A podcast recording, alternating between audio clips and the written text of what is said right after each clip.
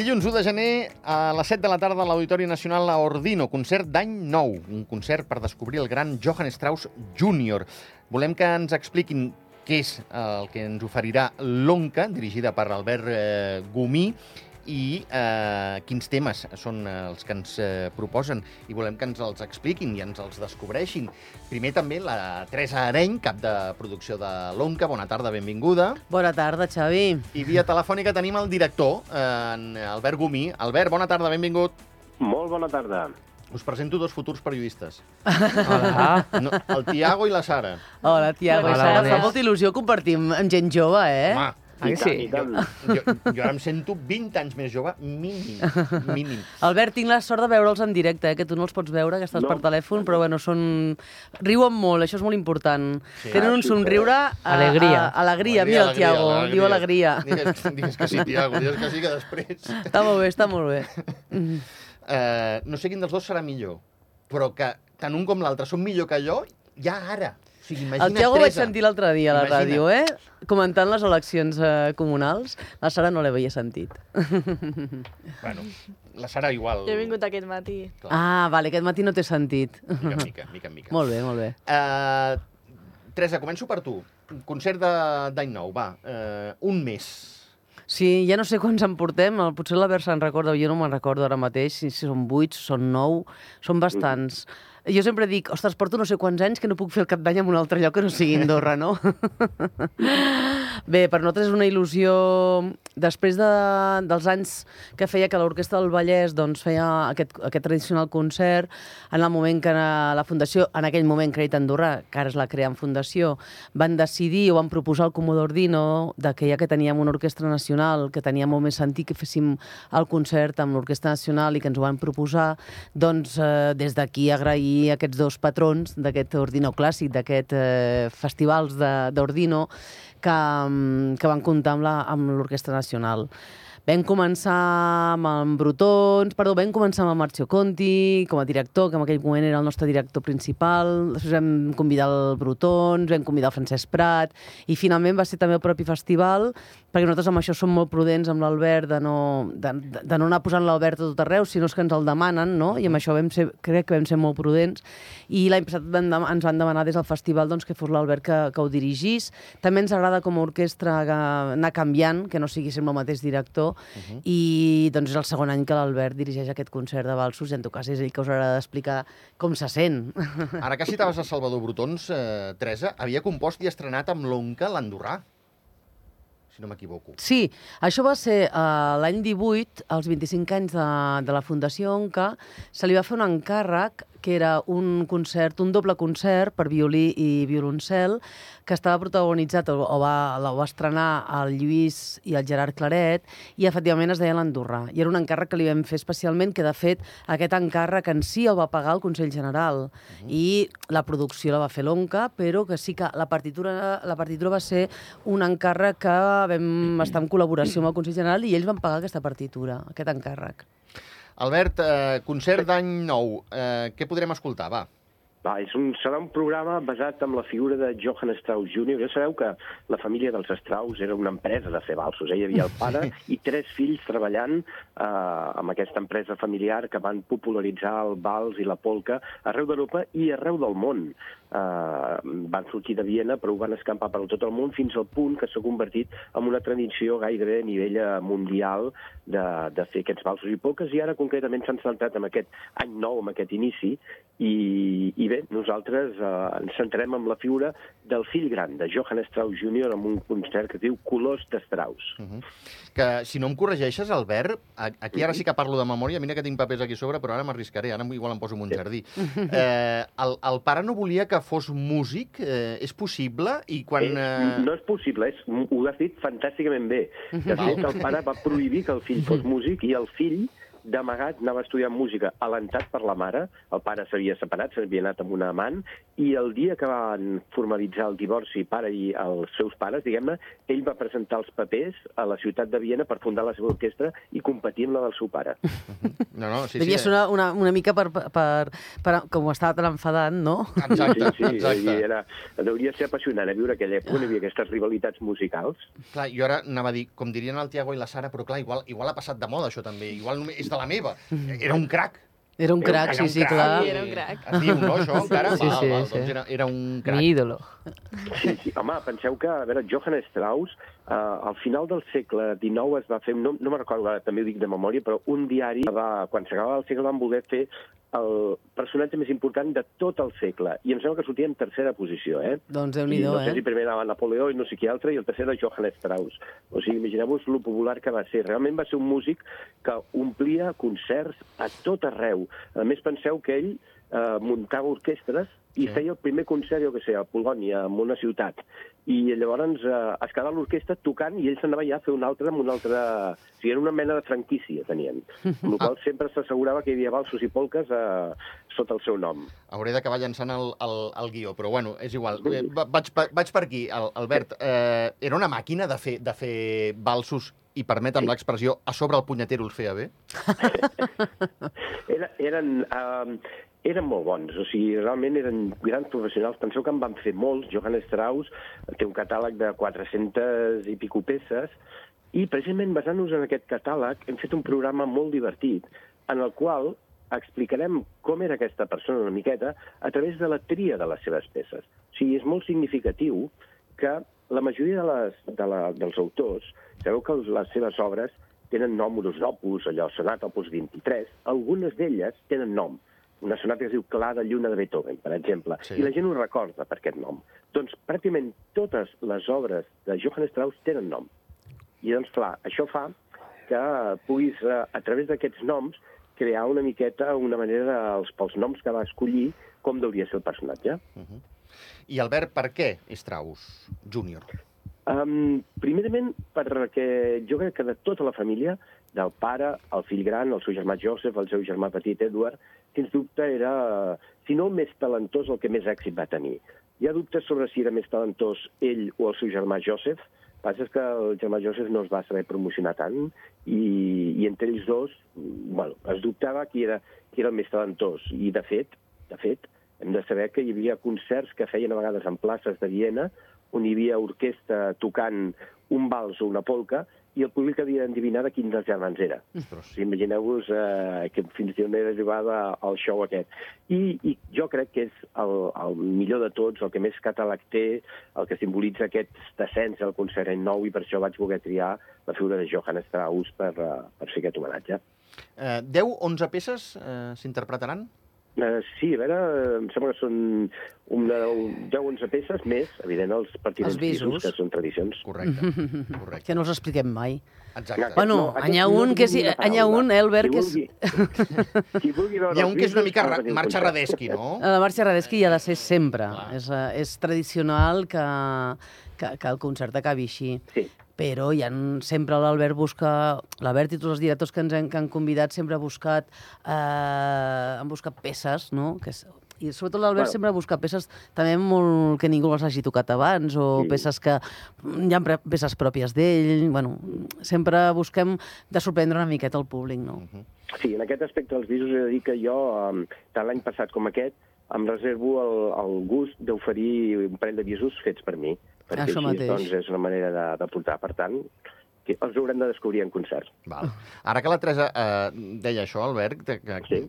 d'algunes coses que, que has compost tu, eh, si no m'equivoco, has fet també l'Ossa d'Ordino, no? Sí, sí, sí, sí. Això ho vam estrenar el mes de maig. Correcte. El 7, el 5, el 6, no me'n recordo quin dia. 6 de maig, em sembla que era. Sí, I sí, això és sí. un ballet. Mm -hmm.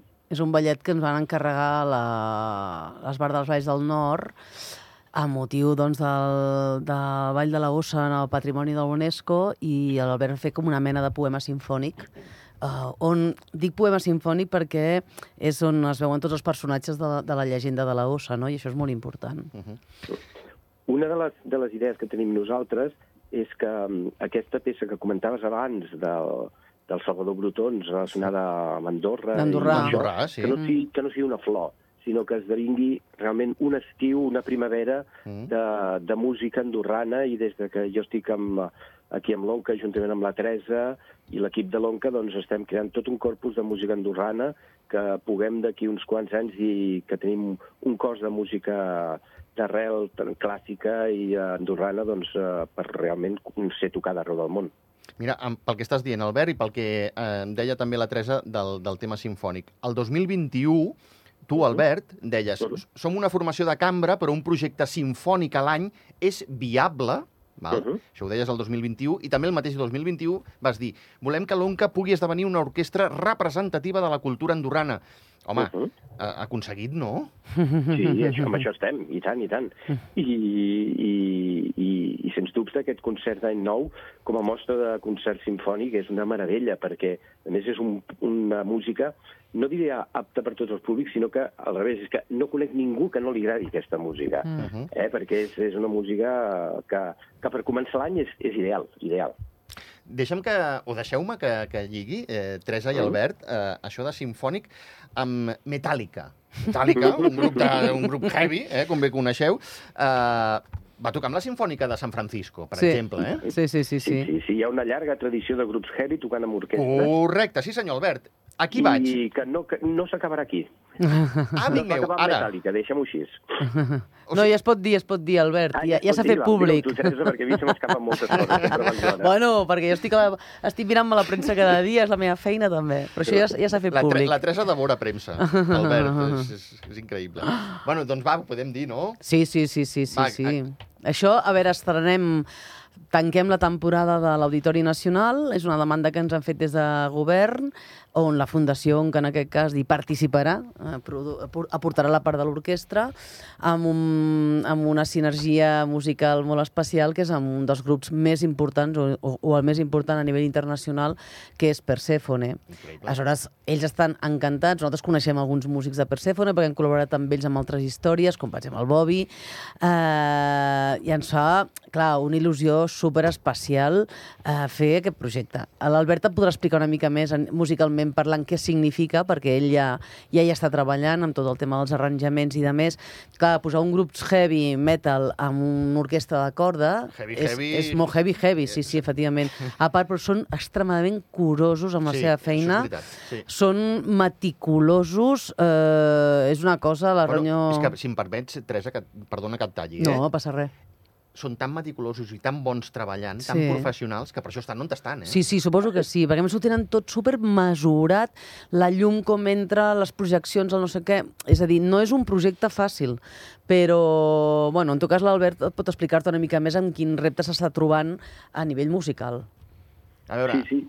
Eh, és, és un... Jo les músiques les, eh, les he escoltat, les he ja començat a, a, a valorar i a treballar, i m'he de treure el barret, perquè és un projecte, un producte molt ben fet, molt, molt, molt, eh, amb una estètica molt determinada, evidentment, i, i, i posar-nos-hi amb ells serà tot un repte per l'ONCA, que també ens interessa. I ara, si em permets la broma, quan et van dir aquest, eh, o et van oferir aquest projecte en Persephone, quan els vas escoltar vas tremolar o no? Bueno, és que és un grup que només posar el disc ja fa tremolar, en el bon Val. sentit de la paraula, tremola tot allà. Correcte. El, el tremolor és moviment i el, el nervi és, és energia, i si hi ha alguna cosa que té aquesta gent és energia. Per tant, doncs endavant amb l'energia. No, i és un repte per l'orquestra. És veritat que nosaltres sempre hem intentat que l'orquestra sigui eh, um, basada a tocar amb diferents gèneres, ho ha fet sempre durant aquests 30 anys. El Gerard, quan dirigia l'orquestra, ja, ja tenia aquesta inquietud i, i, bueno, han fet coses com, com tocar amb la Veu Lesbian o tocar amb Sí. la Maral o tocar, jo què sé, amb la, amb la Martirio. Clar, ja, ja han fet coses diferents, però clar, el heavy metal és veritat que no l'havien tocat mai i també és un repte. Mm, ja està bé que l'orquestra tingui ganes de... Bueno, és el que hem dit sempre, no? Que està al servei del país, està al servei de la música al país i Persephone també forma part de la música al país. És així. Uh -huh. eh, hem de ser capaços, com a Orquestra Nacional, d'estar al costat de, de les, dels cors, però al mateix temps estar al costat doncs, de Persephone o estar al costat d'Histereofang o estar al costat de, eh, jo què sé, qualsevol, qualsevol grup que, que tingui ganes de fer música eh, acompanyat d'una orquestra. És Sí, que... en aquest cas, per això vull remarcar que, és, que tal com hem dit i com heu apuntat tots, Paragus és un grup que està girant internacionalment Clar. al nivell que ho està fent. Eh? Vull dir, la música és, té, és de gran qualitat Correcte, correcte. en I, és- aquest estil que té. i, I si em permeteu, és pel segment el que va dirigit la música de Persephone, Sí. però són els més internacionals del país. Bueno, i m'estaven dient l'altre dia que em sembla que ja no queden quasi entrades. No, no, és que és... Sí, en quatre dies han, han emplenat, bueno, a part, clar, totes les visualitzacions que té, Correcte. que té Persephone a, a nivell internacional. Clar, com a orquestra està molt bé, perquè també et, et situa, no? I dir, bueno, ah, en un país tan petit, de, de 80.000 o de 90.000 habitants, resulta que hi ha una orquestra nacional. Doncs sí, hi ha una orquestra nacional i entre tots l'estem potenciant, i això és molt important. I parlant d'aquesta col·laboració, us ho pregunto tots dos, Teresa i Albert, eh, pot tornar, podem tornar a veure l'Onca al costat del cor rock d'en Camp, d'algun cantautor, de la, diferents grups de diferents estils El que intentem, eh, jo ara parlo una mica de productora i l'Albert també parlarà des del punt de vista més artístic, potser, però el que intentem és... Hi ha tant, tants projectes que podem desenvolupar al país que intentem en- amb el cor de rock ja n'hem fet dos, eh? però intentem mm, sempre anar una mica més enllà, de dir, bueno, intentar so, so, ser molt, molt, molt visionaris o ser molt atents al que passa musicalment al país i dir, ostres, amb aquells encara no han fet res, podríem fer, què podríem fer, no? Uh -huh. Per sorprendre una mica, també. I de vegades, bueno, fer un maxambrat de diferents eh, propostes. Però clar que amb el cor de rock, si d'aquí un temps prudencial pensem que hem de tornar a fer quelcom amb ells, ho farem. És que no vol dir res que ho haguem fet ja dues vegades. No? No sé què penses tu, Albert. Sí, jo penso que hem, hem de pensar que com a país és un luxe tenir una orquestra que estem al, al servei de... A veure, sap, és com si raro que ho digués jo, però la, el punt de vista que ho, veig, que ho veig jo és que el fet de que el, el país tinguem una orquestra nacional al servei de, de la música del país fa que realment en puguem treure un profit directe. Entens? Perquè un cor a Catalunya, per exemple, és molt difícil que acabi cantant amb l'orquestra nacional. Hmm. Molt. Hi ha molts cors i hi ha una sola orquestra nacional per un país dels de, milions que hi ha.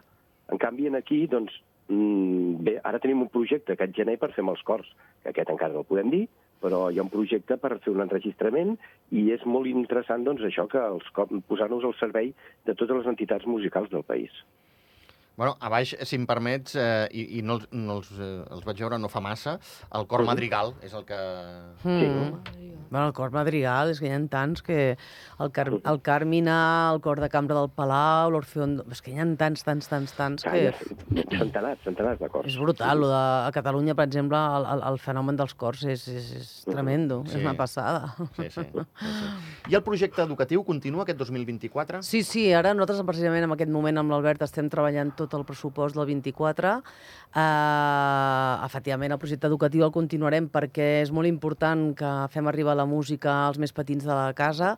Si nosaltres des de, des de les famílies potenciem la música, seran possiblement, poden ser infants que després es tornin joves i joves que es tornin adults i, i els adults i aquests joves i aquests infants puguin gaudir de la música cadascun a la seva etapa, a la seva etapa no? És educar el públic. és educar el públic. I, a part de- part d'edu- d'educar el públic, que pensem que aquests concerts familiars que programem són petites, eh, petits tresors eh, per viure en família i, i, i val la pena, perquè són petits regals musicals que cal, cal mantenir-ho no? dintre del nostre calendari. Abans de tornar amb... Digues, digues, Albert.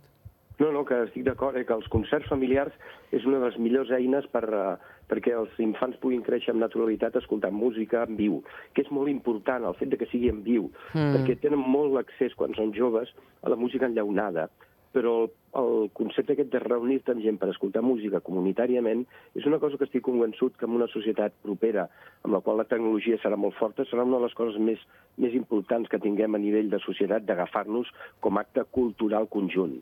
Fer una cosa comunitària, com és viure un concert en viu, això rarament ens ho podrà donar la, les xarxes. Hem de viure en directe. Uh, Guillem Otamia, Ens- m'he enrotllat amb el tema Strauss i quedat- em queden preguntes al tinter com eh, les cites ineludibles al llarg de, al llarg de l'any que suposo, Teresa, concert de primavera o un carrer, tot això continua, eh? Ordino Bueno, clàssic. un carrer no, farem altres coses. Val. Perquè aquest any ja no vam fer-ho, vam fer un cicle de cambra Sí. a la tardor per Sí. celebrar els 30 anys de l'Onca, l'any Sí. que ve farem una altra cosa, perquè també està clar que el concert de la Constitució, nosaltres, de fet, la temporada la començarem eh, fermament a, a partir del concert de Constitució, ens hem marcat aquesta cita, Santa malgrat fem els valsos, Santa Cecília, concert de Sant de Meritxell, és a dir, hi ha una sèrie, el, el Cambra Romànica continuarem vinculats, amb els Sacsfers continuarem vinculats, és a dir, nosaltres intentem mantenir aquells acords que hem pres, aquells convenis que hem pres de col·laboració, perquè estan funcionant molt bé, però intentem sempre donar-li una mica la volta al, al que proposem per fer coses diferents. I amb 30 segons, perquè ens queda això, eh, un minut, eh, contents d'aquest 30è aniversari, de com ha,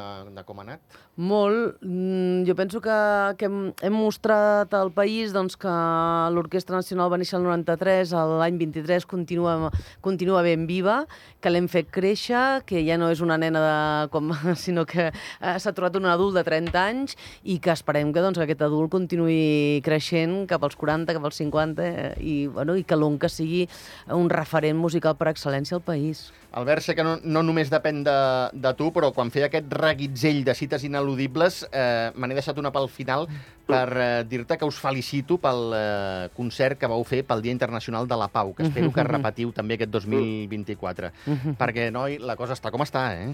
I tant, i tant. Tant de tant, bo la música... Posem-li música, posem-li música. Nosaltres, precisament, vaig molt ràpid, avui hem, ahir vam estrenar la felicitació de Nadal de l'Onca i és amb la Carolina Bartomeu. Per què la Carolina Bartomeu? Que és una xalista de l'Onca, perquè la, Carolina té 30 anys igual que l'Onca, i vam voler escollir un músic del país que hagués nascut al mateix temps que l'Onca, i de fet eh, toca una, un moviment de la suite de Bach número 1 per en homenatge a en Pau Casals i per eh, demanar la pau al món. Teresa Areny, cap de producció de l'UNCA, moltíssimes gràcies. Albert Gomí, director, moltíssimes gràcies. Vosaltres, bones festes. Gràcies Adéu. igualment. I a tots Adéu. vosaltres, gràcies. Demà hi tornem, aquí a les 3. Adéu-siau. Adéu. Sí.